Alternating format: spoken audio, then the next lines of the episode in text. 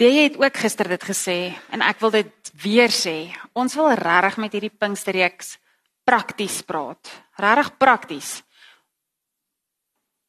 Nou as iemand vir my vra prakties Nadia, hoe speel 'n mens netbal? Wat is die eerste ding wat ek vir hulle gaan sê? Ek gaan vir hulle sê jy mag nie hardloop met die bal nie. Ek gaan vir hulle sê jy um moet die bal vang en dan moet jy hom gooi, jy mag hom nie laat val en weer optel nie. Ek gaan vir hulle verduidelik hoeveel spelers daar op die bal. Ek gaan vir hulle die reëls gee. Dit is wat ek gaan doen. Ek gaan vir hulle die reëls gee. Ek gaan vir hulle wat hulle moet en nie moet doen nie. Wat hulle mag doen, hoe hulle moet speel. So as iemand vir my vra hoe doen ons dit, dan gee ek vir hulle die reëls. So as iemand dan na my toe sal kom en vra maar, hoe moet ek as Christen leef? Wat se praktiese goed kan jy vir my gee rondom dit? Gaan ek vir hulle sê gaan na die reëlboek toe, die reëlboek. Gaan lees bietjie die Bybel. En dan gaan ek net om hulle te tart eintlik. Vir hulle sê begin by die Ou Testament, gaan lees bietjie die reëls in die Ou Testament. Julle en dan sal die Ou Testament jou nie teleurstel nie, want daar is vir jou reëls. Het julle al bietjie daai reëls gelees? Daar is baie van hulle. Ek het eers gedink miskien moet ek vir julle Deuteronomium 20 lees. Toe dink ek nee, nee, liewer nie. Maar daar is reëls oor wat jy mag eet, wat jy nie mag eet nie. Daar is reëls oor wat jy mag aantrek, wat jy nie mag aantrek nie.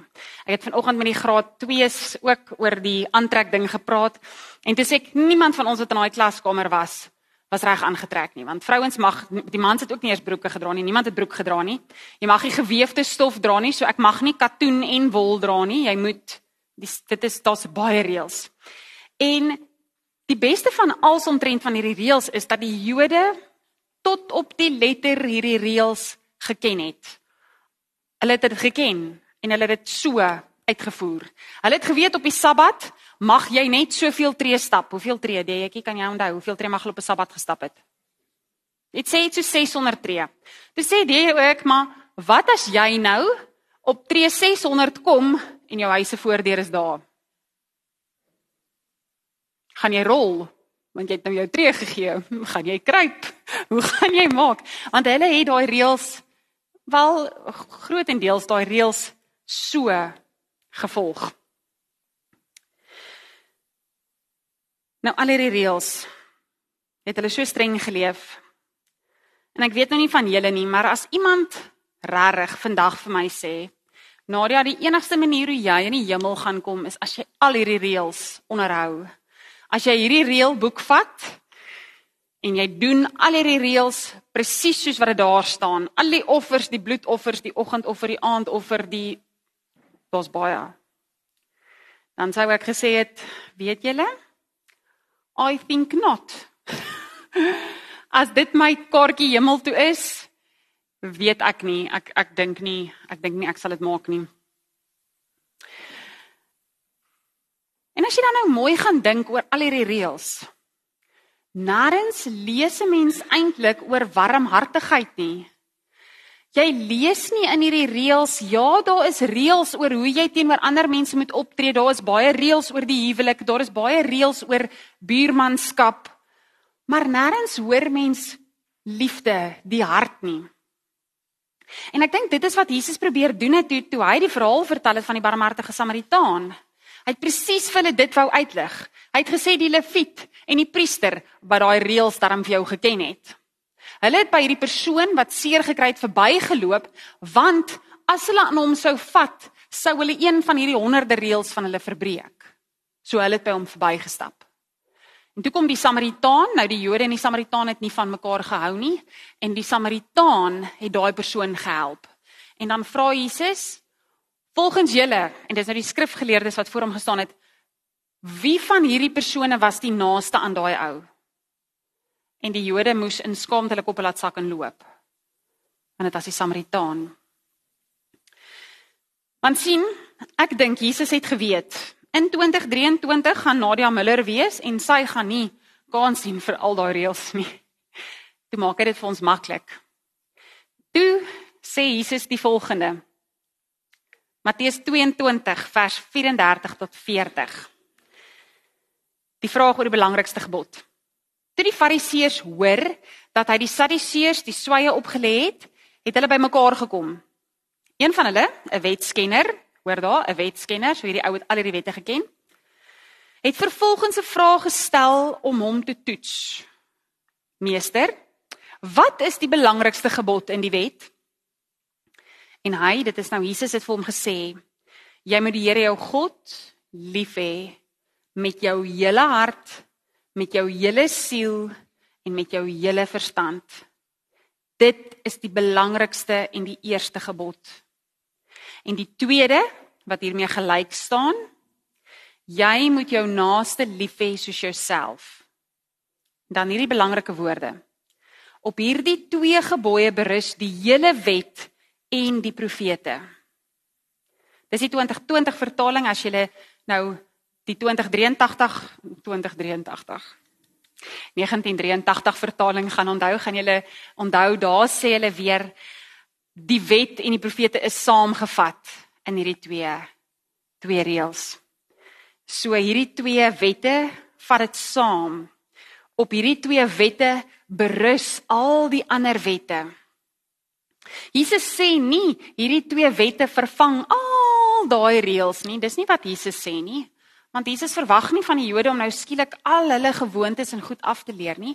Maar wat Jesus vir hulle probeer sê is dat as jy by hierdie twee wette bly, as jy hierdie liefdeswet 100% leef, gaan jy agterkom dat al hierdie ander wette het 'n ander doel.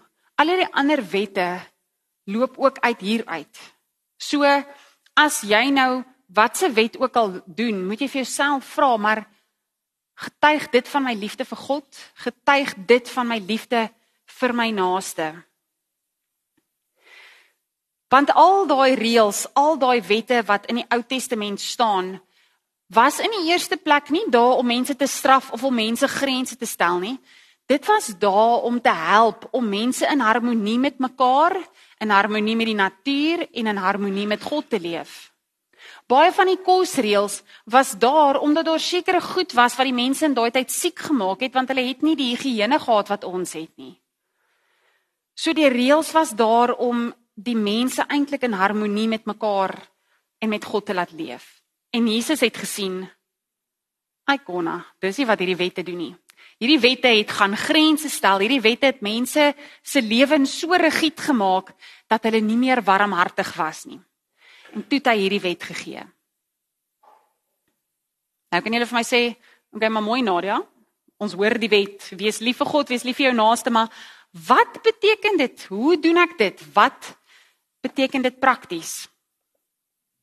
Nou as ons verder in die Nuwe Testament lees, dan brei Jesus uit op hierdie en ook aan die van die ander skrywers, Paulus veral, brei baie uit op hierdie en sê ons moet nederig wees. Ons moet geduldig met mekaar wees. Dink aan die nege vrug van die Gees.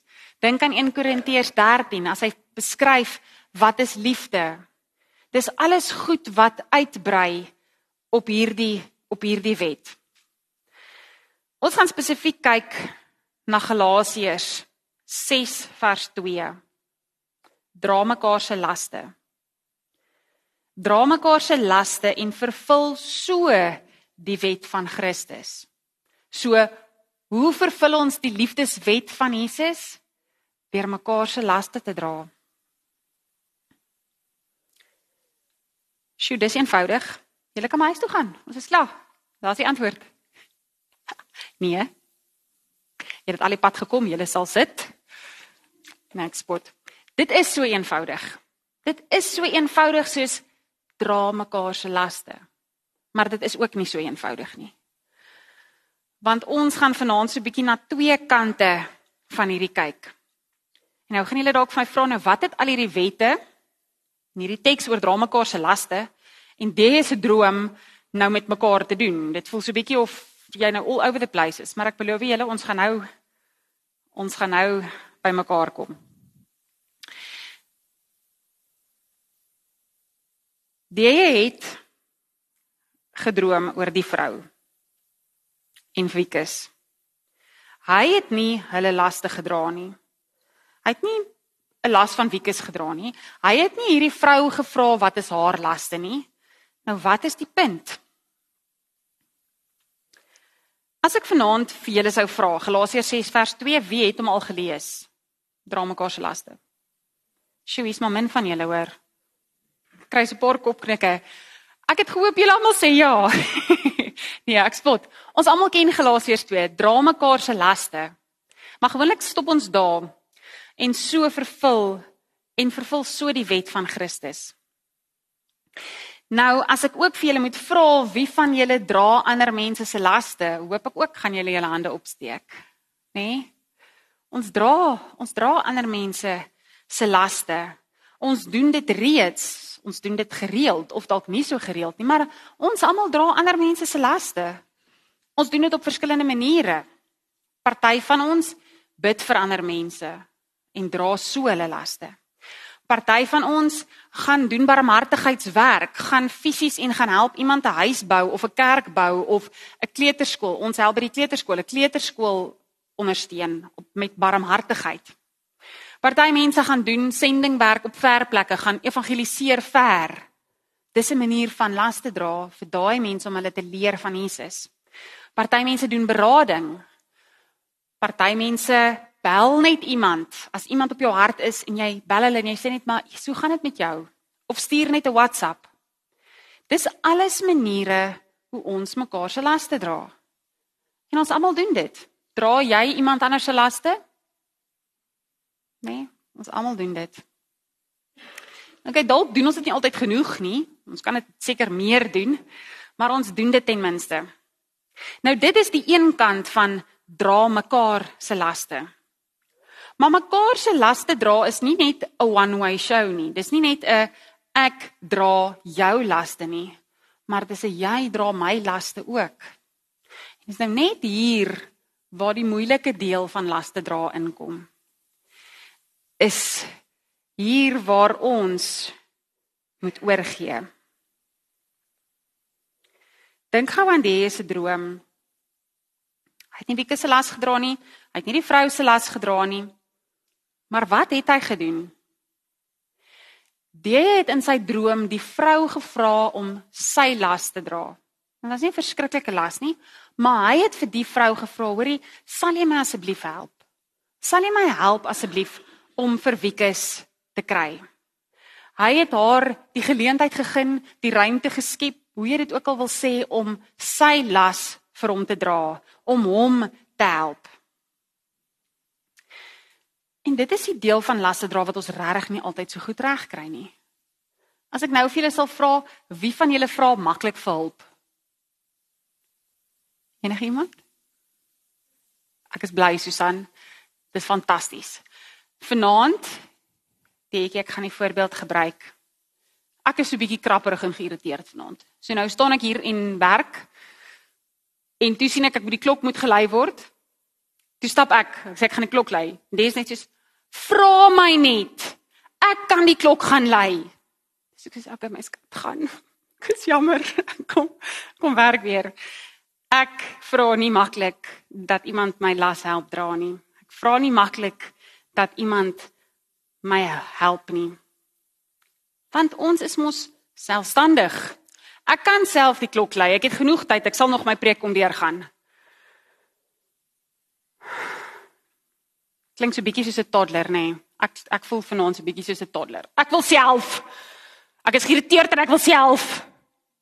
Maar ons doen dit as dit by laste dra kom. Ons vat dit self. Ons stel hom op. sien. Kom my eie las dra. Sjoe, hy's bietjie swaar las om te dra. Ek het vanoggend in die gym arms gedoen. Dit is 'n swaar geweight wat ek nou weer het. Maar verstaan julle wat gebeur as ek nie van my laste vir iemand anders wil gee nie. My moet daai eers los. Dan gun ek nie iemand anders die geleentheid om God se liefdeswet uit te leef nie. Hoor jy wat ek sê? Ons ontneem iemand anders die geleentheid om God se liefdeswet uit te leef as ek weier dat ander mense my help of as ek net te selfstandig is Of ek sê baie keer, dit gaan nie daaroor dat ek nie wil hê iemand moet my help nie. Ek voel net so skuldig want daai persoon is al klaar baie besig.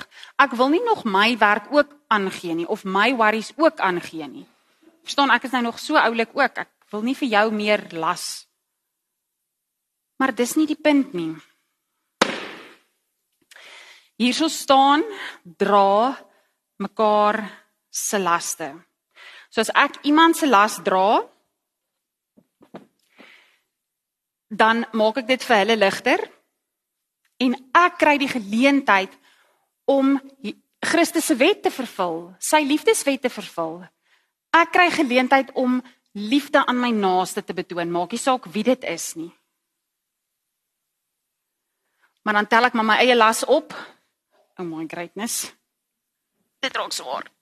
En ek laai op. En ek laai op Hou net asseblief op om julle eie laste te wil dra. Soms kom mense dan vra hulle vir jou. Ek het dit al 'n paar keer beleef. Ek is een van daai mense ek dra my dood. Ek loop my nie dood nie. Soos ek by die huis stop met my inkopies, gaan ek kyk of ek dit met een trip in die huis kan kry. En moet nie waag om my te vra om my te help dra as my arms vol is nie want ek gaan iets laat val as jy iets by my vat. So as iemand nou nog hulp aanbied en sê hoorie kan ek jou help dra, dan gaan ek sê nee nee nee. Nee. Ek gaan hulle laat val. Los my asseblief. Maar iets wat uitstaan van hierdie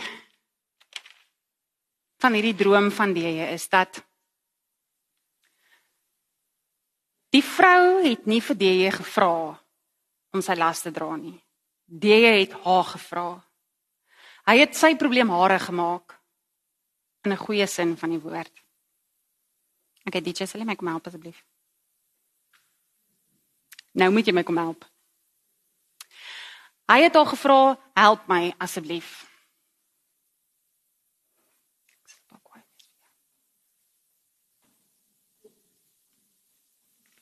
Ek maar sit hulle neer, moenie nou almal vat nie. Dis nie die punt nie, my skat.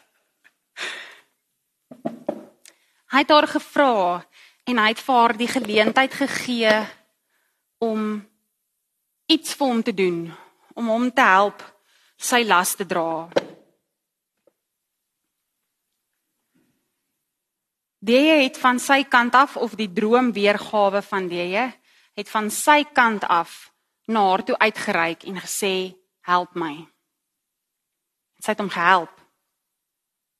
En jy onthou, jy het vertel en gesê die gesig van die vrou wat trane afvee en dieselfde vrou se gesig toe sy wegstap was verskillend.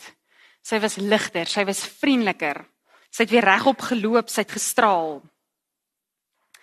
Want jy het haar die geleentheid gegee om haar Godgegewe purpose of doel te leef. Want my en jou roeping op aarde is dit: wees lief vir God, wees lief vir jou naaste. Dit is my en jou roeping. En hoe leef ons dit uit? Ons raak aan mekaar, soos die gister gesê het. Ons raak aan mekaar. Verder, hoe leef ons dit uit? Ons dra mekaar se laste. Ek vat by jou, maar ek moet ook bereid wees om van myne vir jou te gee. Nou dit is nie maklik nie. Daai tweede deel is nie maklik nie vir meeste van ons. Soms is dit maklik om hulp te aanvaar met oppervlakkige goed wil ek amper sê. Soos ja, dit is vir my maklik om vir die te bel en te sê, "Hallo my skat, ek ry nou oor die treinspoor daar. Ek is so 2 minute van die huis af, kom so lank uit. Jy gaan my moet help inkopies dra." Maar dit wils wanneer dit gaan oor my eie hart se swak, my eie hart se seer, my eie stikkend wees aan die binnekant, dan dra ek swaar. Dan is dit nie so maklik om dit te gee vir iemand nie. Maar ons moet dit doen.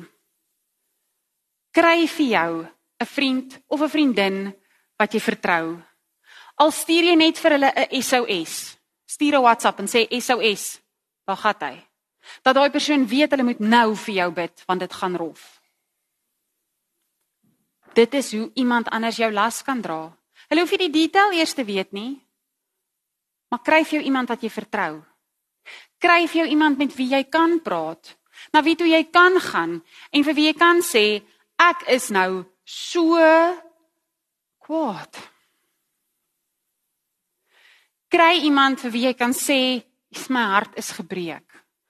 Ek is nou so teleurgesteld." Kry ook iemand vir wie jy kan sê, "Jog, ek is opgewonde, ek is bly." Bel die dominee as jy dan nie iemand in jou lewe naby aan jou vertrou nie. Of as daar iets is wat jy regtig nie wil hê ander mense moet uitlap nie of moet uitkom by die ander res van jou vriendekring of by die res van jou familie nie. Hier staan sy.